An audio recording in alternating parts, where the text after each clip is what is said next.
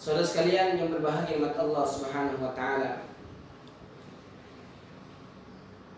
Puji dan syukur tentunya mari kita senantiasa panjatkan kepada Allah Subhanahu wa taala.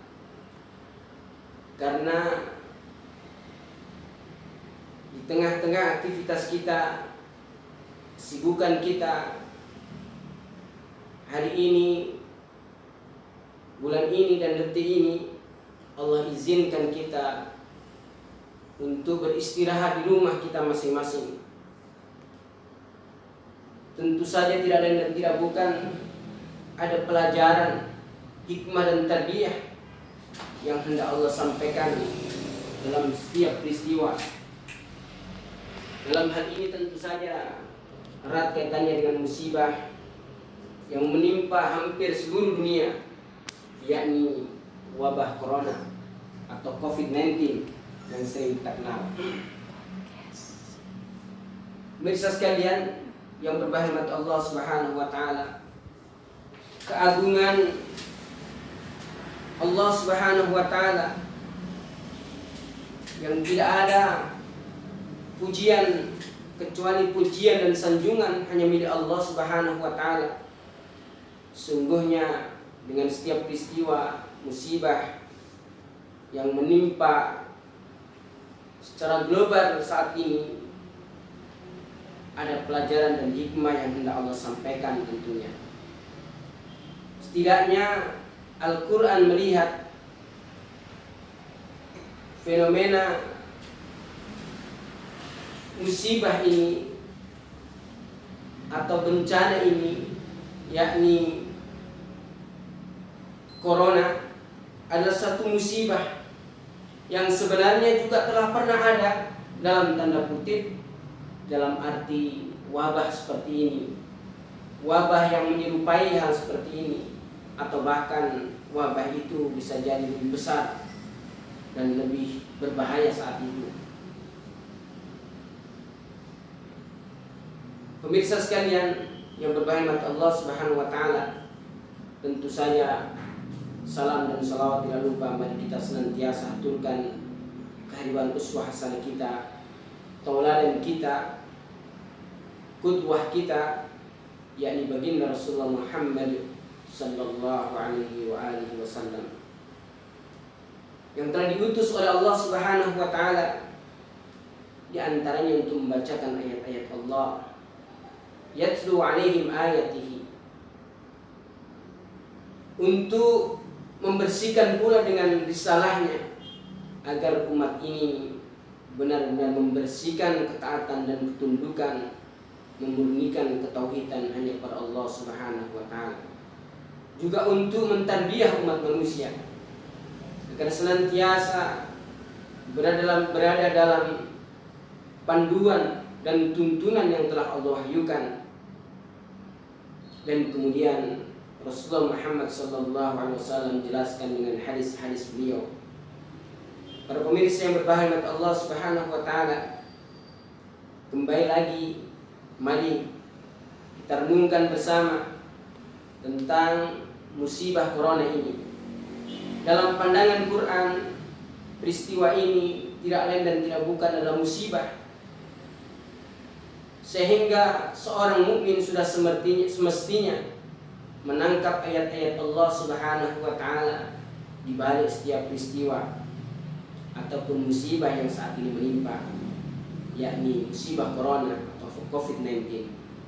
Sebagaimana ayat yang kami kutip di atas tadi dalam surat At-Taubah ayat 51 kami tegaskan kembali kullu yusibana illa ma kataballahu lana Katakan Muhammad bahwa tidak akan menimpa kepada kami suatu musibah, satu bencana illa ma kataballahu lana. Kecuali bencana itu telah ditetapkan oleh Allah bagi kami. Ini harus benar-benar menjadi keyakinan bagi seorang mukmin, menjadi akidah yang sedemikian kuat bagi seorang mukmin yang tidak tergoyahkan dengan apa pun keimanan yang tidak dicampuri dengan apa pun. Iman yang benar-benar tanpa keraguan. Dan kemudian bagaimana sikap seorang mukmin ketika satu peristiwa musibah atau bencana menimpa seperti saat ini? Maka seorang mukmin benar-benar menyadari sepenuhnya huwa maulana. Allah adalah pelindung kami Allah penjaga kami.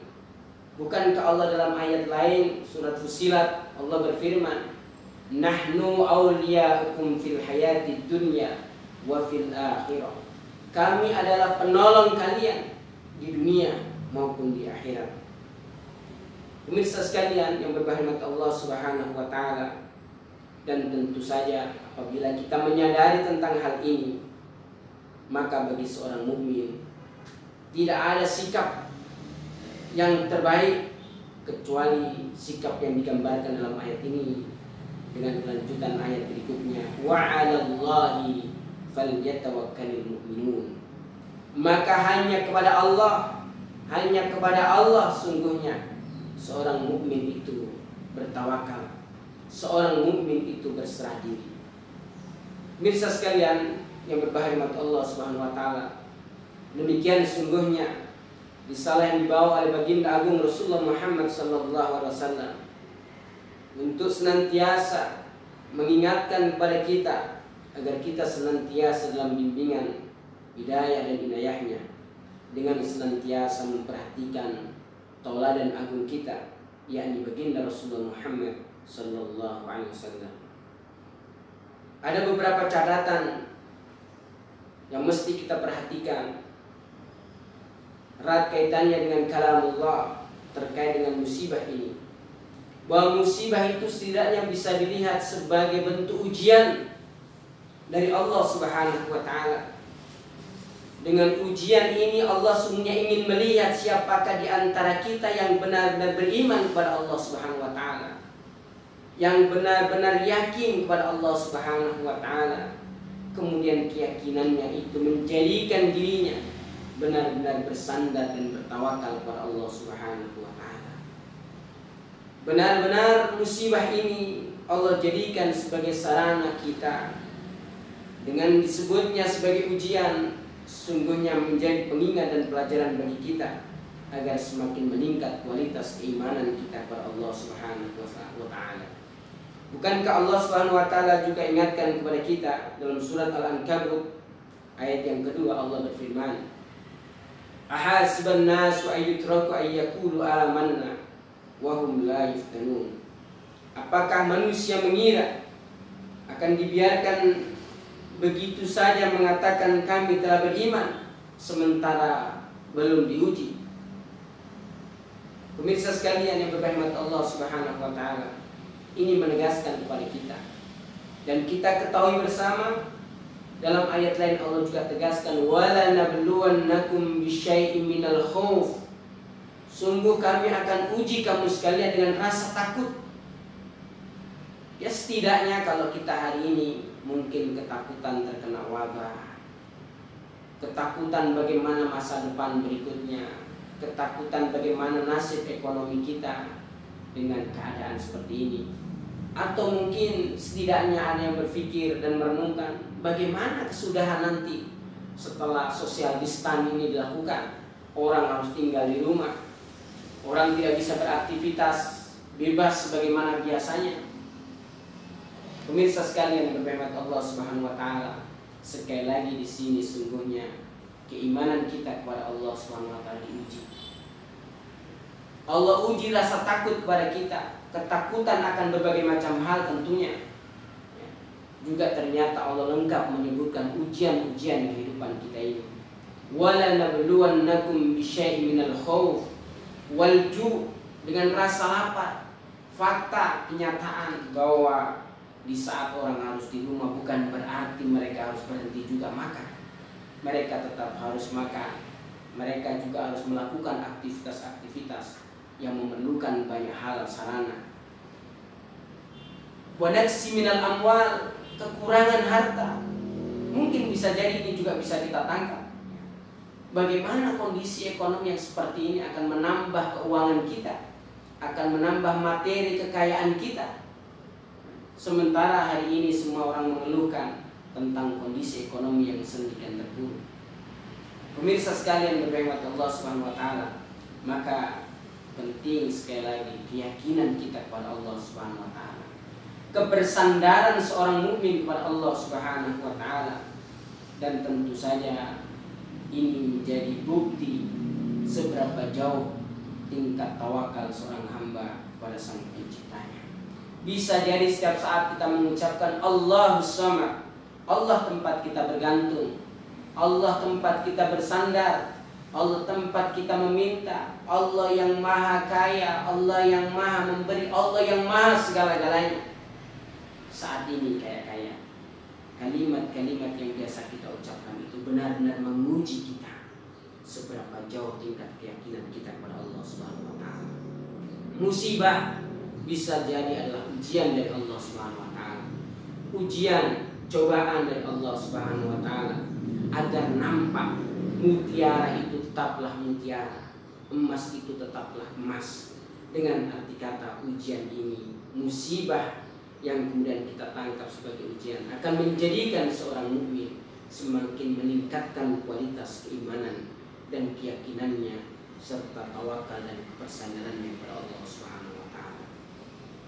Pemirsa sekalian yang berbahagia Allah Subhanahu wa taala, namun pada saat yang sama musibah atau bencana ini juga bisa kita lihat sebagai sarana yang Allah sediakan untuk menjadi wasilah dihapuskannya dosa. Dibersihkannya dosa-dosa kita. Dosa hamba-hamba Allah yang memang Allah menghendaki untuk dihapuskan dosa-dosanya. Bukankah kita ketahui bersama apa saja yang menimpa seorang mukmin? Lebih-lebih ditimpanya satu musibah yang sedemikian tidak dia sukai hal yang tidak dia inginkan yang sebenarnya kalau kita sadari musibah dan bencana ketika itu bermaksud untuk menghapuskan dosa maka patut kita renungkan berarti kita sadar sepenuhnya ini tidak lepas karena ulah tangan perbuatan manusia. Bukankah Allah SWT juga tegaskan Zuharul fasadu fil barri wal bahar bima kasabat nas. Bukankah kerusakan di daratan maupun di lautan itu disebabkan disebabkan karena ulah tangan manusia? Dengan arti kata musibah, bencana ataupun apa yang terjadi juga tidak lepas tentunya ulah dari perbuatan manusia. Maka ketika Allah Subhanahu wa taala menghendaki agar musibah dan bencana ini menjadi sarana untuk dihapuskannya dosa sebagaimana sabda Rasulullah Muhammad sallallahu alaihi wasallam ma yusibul mu'mina mi wasabi wala nasabi wala hammi wala hazanin wala ghammin wala adha hatta syaukatu yashakuha illa kafarallahu biha khotoyahu illa kafarallahu biha min khotoya tidaklah menimpa satu musibah kepada seorang mukmin baik berupa rasa sakit yang terus menerus atau mungkin juga rasa capek kekhawatiran sedih karena sesuatu yang hilang kesusahan atau sesuatu yang menyakiti sampai pun duri yang menusuknya melainkan dihapuskan dosa-dosanya. Hadis ini diriwayatkan oleh Bukhari. Bisa kita buka tentunya dalam hadis Bukhari nomor 500 5641 dan juga Muslim. Pemirsa sekalian yang berbahagia Allah taala. Demikian setidaknya dilukiskan oleh Rasulullah Muhammad SAW bahwa apa saja menimpa seorang mukmin entah itu berupa sakit atau apa saja yang dia tidak sukai tentunya bahkan mungkin bisa jadi hal yang kecil di antaranya kita tertusuk duri itu tidak lain dan dia bukan adalah sarana wasilah cara Allah untuk menghapuskan dosa-dosa kita karena kita sadari sepenuhnya bahwa semua yang terjadi ini keburukan, bencana itu tidak lepas dari ulah tangan-tangan manusia. Pemirsa sekalian yang berbahagia dengan Allah Subhanahu wa taala. Demikian gambaran ketika Allah Subhanahu wa taala hendak menjadikan musibah atau bencana ini sebagai penghapus dosa. Atau mungkin musibah dan bencana ini benar-benar sebagai bentuk hukuman dari Allah Subhanahu wa taala. Karena ulah tangan manusia, karena perbuatan manusia dan Allah berkehendak untuk memperbaikinya. Karena rahman rahim Allah Subhanahu wa taala. Maka Allah hukum dengan hukuman yang setimpal saat ini dan sekarang ini. Ketika Allah menghendaki rahmat baginya, ketika Allah hendak menganugerahkan rahmat untuknya, maka Allah segerakan hukuman itu dengan bentuk musibah ataupun bencana. Setidaknya Rasulullah Muhammad SAW dari Anas bin Malik Rasulullah SAW bersabda Ila aradallah bi'abdihi al-khaira ajjala ajjala lahu 'uqubah fid dunya wa idza aradallah bi'abdihi syarr amsaka anhu bidambihi hatta yuwaffa bihi yaumal qiyamah. Idza aradallahu bi'abdi khaira. Kalau Allah menghendaki kebaikan pada seseorang, menghendaki kebaikan pada hambanya, ajalallahu ukubah di dunia. Maka Allah segerakan hukuman itu di dunia. Allah timpakan musibah, Allah timpakan bencana, hal-hal yang tidak dia sukai. Namun tidak lain dan tidak bukan ketika Allah turunkan segera musibah dan bencana itu maka tidak lain itu bagian dari wujud rahmat Allah. Allah menghendaki kebaikan bagi hambanya dengan disegerakannya hukuman di dunia ini dengan musibah ataupun bencana. Maka seorang mukmin yang sadar sepenuhnya bahwa dirinya adalah manusia yang tidak lepas dari khilaf, juga tidak lepas dari dosa, karena memang demikian kenyataan manusia. Tidak ada jaminan dalam arti seorang mukmin kemudian dia tidak lepas dari dosa. Hilaf kepada Allah Subhanahu wa taala. Bukankah setidaknya terlukis dalam kalamullah bahwa orang beriman juga dapat melakukan kesalahan. Wa idza fa'alu fahishatan aw dhalamu anfusahum dzakarullah fastaghfiru Pemirsa sekalian yang berhormat Allah SWT, orang beriman suatu ketika di saat dia hilang, di saat dia lupa, bisa jadi dia melakukan dosa pada Allah SWT. Maka ketika Allah menghendaki kebaikan padanya, Allah menghendaki rahmat untuknya, Allah menghendaki kebaikan bagi hambanya. Idza aradallah bi abdi khaira maka Allah segerakan baginya hukumannya di dunia ini. Fit dunia. Sebaliknya, wa idza aradallah bi 'abdihi syarr jika Allah Subhanahu wa taala menghendaki kepada hambanya suatu keburukan amsaka anhu bidambihi ya. Allah seakan-akan membiarkan dia dengan dosanya hatta yuwaffa bihi yaumal qiyamah sampai kemudian dia wafatkan dan ketemu dengan hari kiamat kelak nanti. Pemirsa sekalian yang berbahagia Allah Subhanahu wa taala. Dengan arti kata ketika Allah menghendaki keburukan pada hambanya, dia akan mengakhirkan balasan atau dosa yang ia perbuat hingga akan ditunaikan pada hari kiamat kelak nanti. Hadis riwayat Tirmidzi dan disahihkan oleh Albani. Pemirsa sekalian yang berbahagia dengan Allah Subhanahu wa taala, ini gambaran bagaimana Al-Quran melihat. Al-Quran menjelaskan kalamullah memberikan bayan kepada umat manusia tentang fenomena musibah atau bencana yang saat ini menimpa setidaknya yang mungkin hari ini menimpa belahan dunia di mana pun berada yakni corona atau covid-19 Allah berfirman Allah mengingatkan kepada kita dengan kalamnya bahwa ini tidak lain adalah musibah, bencana yang bisa saja itu berupa ujian ujian bagi hamba-hamba Allah yang hendak Allah tingkatkan kualitas keimanannya. Allah ingin naikkan derajat keyakinannya kepada Allah SWT dengan ujian-ujian itu.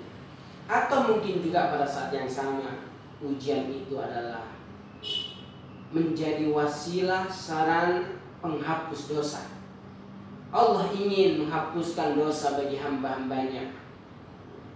Bagian dari wujud rahmat Allah Subhanahu wa taala terhadap hamba-hamba Allah yang beriman. Karena ketika Allah turunkan musibah bencana itu, maka tentu saja kita dapati Allah tidak pandang bulu kepada siapa saja Allah mengaruniakan musibah dan bencana itu. Maka bagi mereka-mereka yang beriman kepada Allah, sebagaimana hadis Rasulullah Muhammad SAW tadi jelas sekali tergambar. Ya. Tidak menimpa tentunya suatu musibah ujian bagi hamba-hamba Allah yang beriman kecuali Allah hendak menghapuskan dosa daripadanya.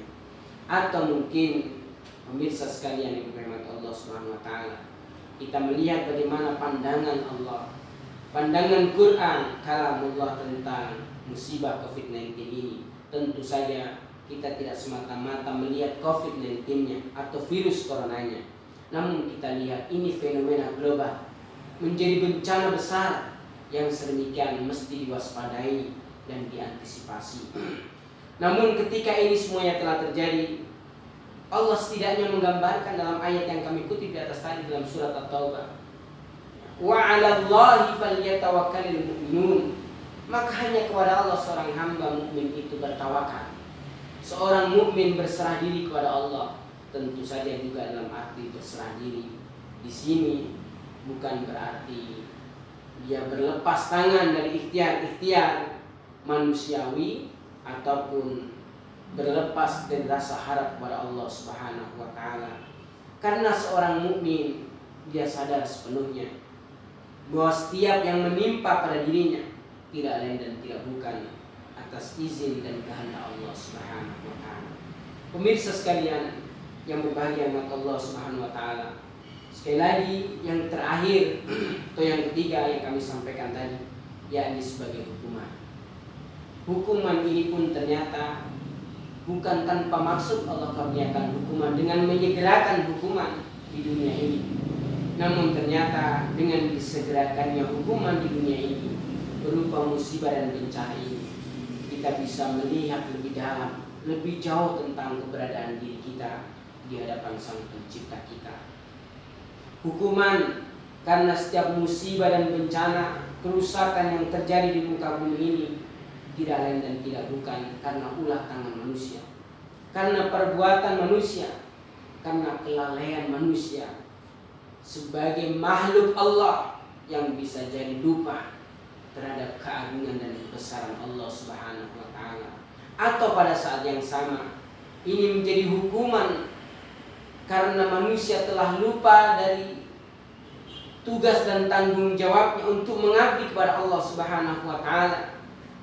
Untuk melestarikan bumi Allah Subhanahu wa taala hingga kemudian dia terjerembab dari perbuatan-perbuatan dosa yang mengundang murka Allah Subhanahu wa taala.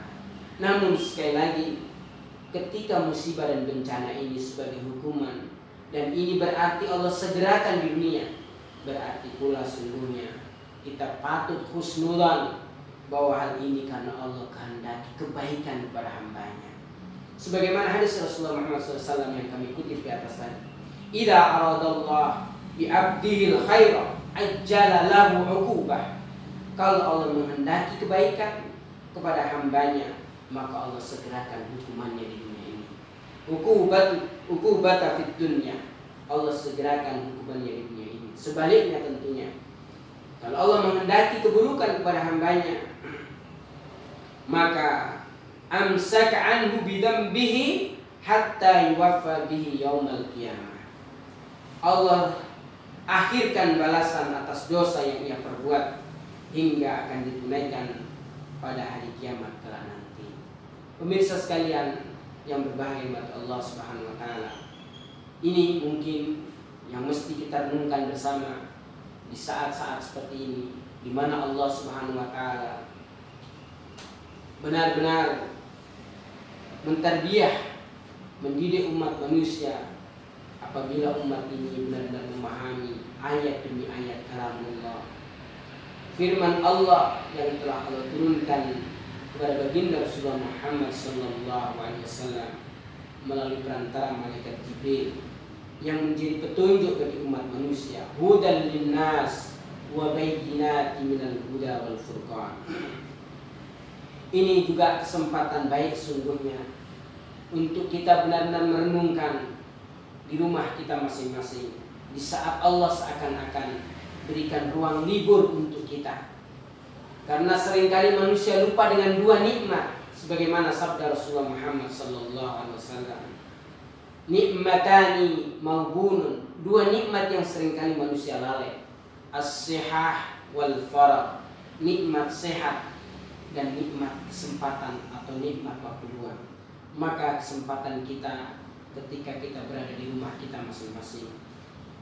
Kita juga bersyukur karena Allah masih kurniakan kepada kita berupa kesehatan sehingga kita masih bisa menikmati aktivitas di rumah kita masing-masing. Kesibukan mengakrabkan diri kita dengan keluarga kita atau mungkin juga melaksanakan ibadah-ibadah yang biasanya dilaksanakan di masjid ataupun di musola. Hal ini bisa jadi menjadi pelajaran bagi untuk benar-benar menghidupkan ketaatan kepada Allah di rumah kita masing-masing. Atau mungkin juga Allah ingin ingatkan kepada kita, setiap pemimpin di antara kita, bahwa kita memiliki tanggung jawab untuk mengajak diri kita, keluarga kita sebagaimana dalam surat At-Tahrim. Allah ingatkan kepada kita, ya ayyuhalladzina amanu ku anfusakum wa ahdikum nar. Hai orang beriman, jagalah dirimu dan keluargamu dari siksa api neraka. Alaiha malaikatun hilalun syidah. Di mana neraka itu di atasnya ada penjaga yang sedemikian keras. Dan kita tahu dalam ayat ini jelas Allah tegaskan, Allah gambarkan bagaimana kondisi neraka itu. Ya ayyuhalladzina amanu qu anfusakum wa ahlikum nar wa quduhan nas wal hijarah yang bahan bakar api neraka itu terdiri dari batu dan manusia. Alaiha malaikatun hilal syidad. Di atasnya ada malaikat yang sangat keras. La ya'sunallaha ma amarahum wa yaf'aluna ma Yang tidak pernah ingkar kepada Allah dan senantiasa melaksanakan apa saja yang Allah perintahkan kepadanya. Pemirsa sekalian yang berbahagia Allah Subhanahu wa taala, inilah bisa jadi saat-saat setiap pemimpin untuk benar-benar menunjukkan kepemimpinannya. Bagi orang tua, ia adalah pemimpin bagi keluarganya, seorang ayah tentunya, atau seorang ibu, dan lain sebagainya. Ketika di rumah masing-masing, kita patut ambil pelajaran dan hikmah yang luar biasa dari fenomena musibah ini.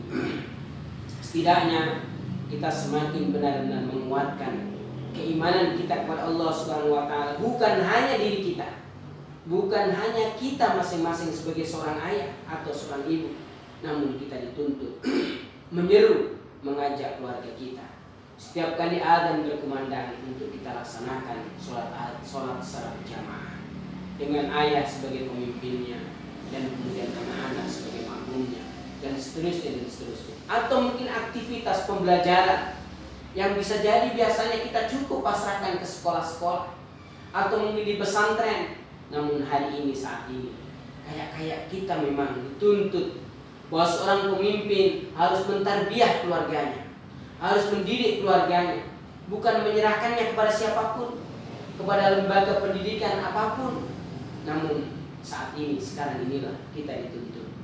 Allah karuniakan kesehatan kepada kita.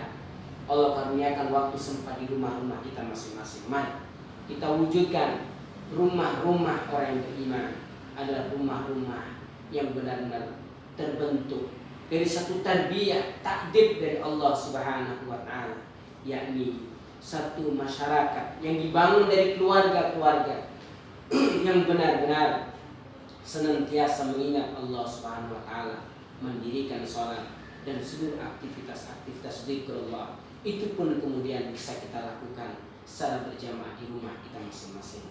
Pemirsa sekalian, yang berkaitan Allah Subhanahu wa taala.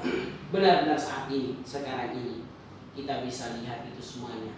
Akankah rumah kita menjadi cerminan rumah-rumah Allah Subhanahu wa taala yang di dalamnya kita dirikan sholat, yang di dalamnya kita bacakan ayat-ayat Allah, yang di dalamnya juga ada seruan-seruan amar ma'ruf nahi munkar, menyeru kepada keluarga kita, istri kita, anak-anak kita, suami kita atau siapa pun yang ada di dalam keluarga kita untuk senantiasa melaksanakan ketaatan kepada Allah Subhanahu wa taala. Setidaknya sholat lima waktu yang harus kita lakukan. Di saat kita harus di rumah bukan berarti tanggung jawab berjamaah itu telah usai. Inilah saatnya sekali lagi kita benar-benar memanfaatkan kesempatan sehat dan waktu senggang, waktu luang kita di rumah kita masing-masing untuk benar-benar menjadi wasilah sarana pengabdian kepada Allah Subhanahu wa taala. Demikian mungkin sedikit yang bisa kami sampaikan terkait dengan musibah ya, atau COVID-19 virus corona ini dalam pandangan Al-Quran. Bagaimana Al-Quran melihat? Al-Quran menjelaskan tentang fenomena ini. Ternyata jelas sekali bahwa musibah dan bencana yang saat ini tentu saja menjadi bagian dari ketentuan Allah Subhanahu wa taala dan hamba Allah yang beriman kepada Allah lah dia bergantung kepada Allah lah dia memohon perlindungan dan hanya kepada Allah seorang mukmin bertawakal. Pemirsa sekalian yang berbahagia buat Allah Subhanahu wa taala. Demikian sedikit yang kami sampaikan untuk menjadi renungan bagi kita semuanya. Setidaknya ada hikmah dan pelajaran yang dapat kami sampaikan yakni bahwa musibah itu bisa kita lihat sebagai ujian yang pertama dengan ujian itu Allah hendak naikkan kualitas kita Allah hendak lihat siapakah di antara kita yang benar-benar beriman kepada Allah Subhanahu wa taala. Yang kedua, sebagai penghapus dosa. Musibah dan bencana ini bisa saja menjadi penghapus dosa karena tidak ada yang menimpa satu keburukan pada seorang mukmin musibah dan bencana dalam hal ini kecuali ia menjadi penghapus dosa baginya jangankan musibah yang sedemikian besar seandainya kita tertusuk duri sekalipun sesungguhnya itu pun menjadi penghapus dosa bagi hamba Allah yang beriman kepada Allah Subhanahu wa taala. Dan yang ketiga sebagai hukuman dari Allah Subhanahu wa taala karena kerusakan dan bencana yang terjadi ini tentu karena ulah tangan-tangan manusia dan bisa jadi di antara kita pun pernah hilah melakukan perbuatan yang salah dan dosa itu. Maka Allah hukum, namun sekali lagi hukuman Allah yang Allah segerakan saat ini sesungguhnya itu bagian dari kasih sayang Allah pada hambanya. Itu wujud ketika Allah menghendaki kebaikan. Allah hendak karuniakan rahmat kepada hambanya. Maka Allah segerakan saat ini dan sekarang dan sebaliknya tentunya kalau Allah menghendaki keburukan maka Allah akan akhirkan kelak nanti hukuman itu pada hari kiamat. Dan yang terakhir kita benar-benar bisa mempelajari tentunya. Menjadikan ini semuanya sebagai sarana kita untuk belajar untuk introspeksi dan memahami lebih jauh tentang tugas dan tanggung jawab kita sebagai hamba Allah di satu sisi dan sebagai khalifatullah di sisi yang lainnya atau setidaknya kita lebih dapat melihat tanggung jawab kita sebagai pemimpin sebagaimana Rasulullah Muhammad SAW bersabda kullukum ra'in wa kullukum mas'ulun an ra'iyati. Setiap kalian adalah pemimpin dan setiap pemimpin akan diminta pertanggungjawaban atas kepemimpinannya. Aku luka lihat wa astagfirullahaladzim wallahu a'lam